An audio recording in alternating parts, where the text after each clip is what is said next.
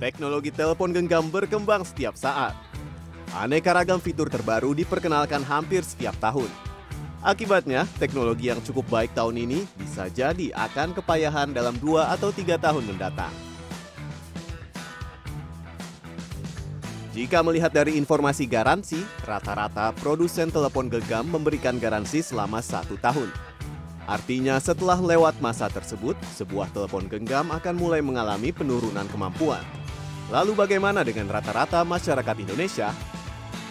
Bagi Adri Arlan dan Francisca, karyawan swasta di Jakarta, momen tahun baru ternyata tidak membuat mereka serta-merta mengganti perangkat ponsel.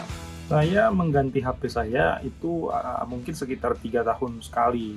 Alasannya ya pertama untuk uh, meningkatkan performa ya, karena kan teknologi itu cepat sekali dia berkembang. Jadi mungkin softwarenya jadi agak lemot dan juga kapasitas HP-nya juga tidak bisa semumpuni dulu dan menurut saya ini cukup ini ya cukup bagus karena saat saya mau membeli HP saya biasanya riset dulu HP mana yang uh, secara performa atau secara spek si spesifikasi bisa cukup oke okay untuk beberapa tahun ke depan.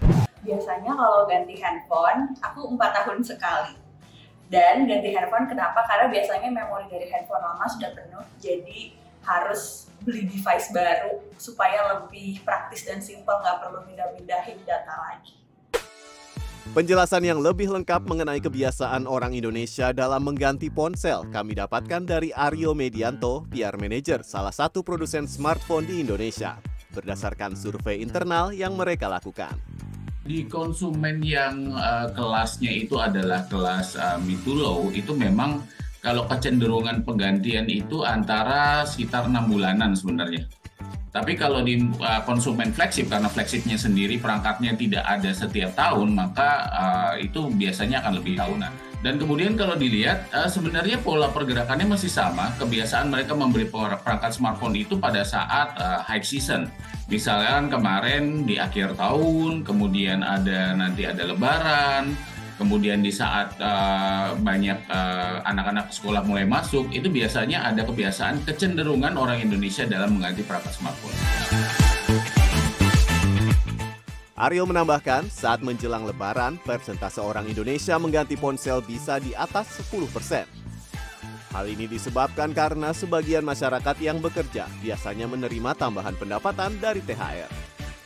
Menurut kreator konten yang kerap mereview ponsel, Feni Astri, rata-rata umur pakai ponsel orang Indonesia adalah 2-3 tahun.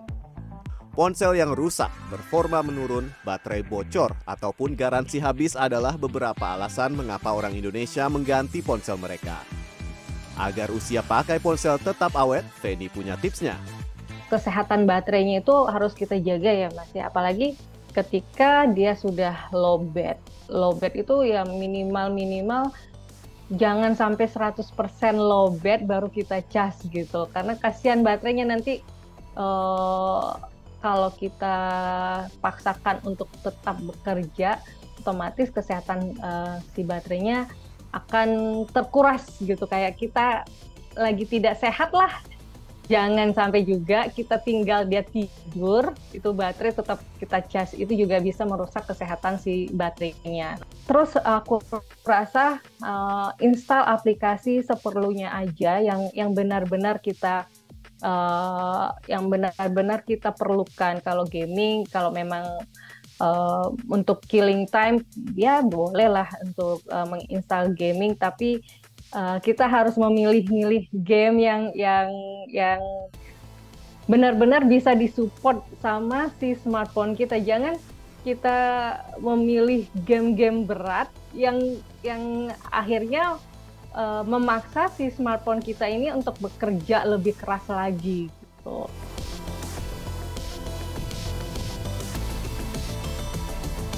Memang tidak ada patokan khusus kapan kita harus mengganti perangkat ponsel.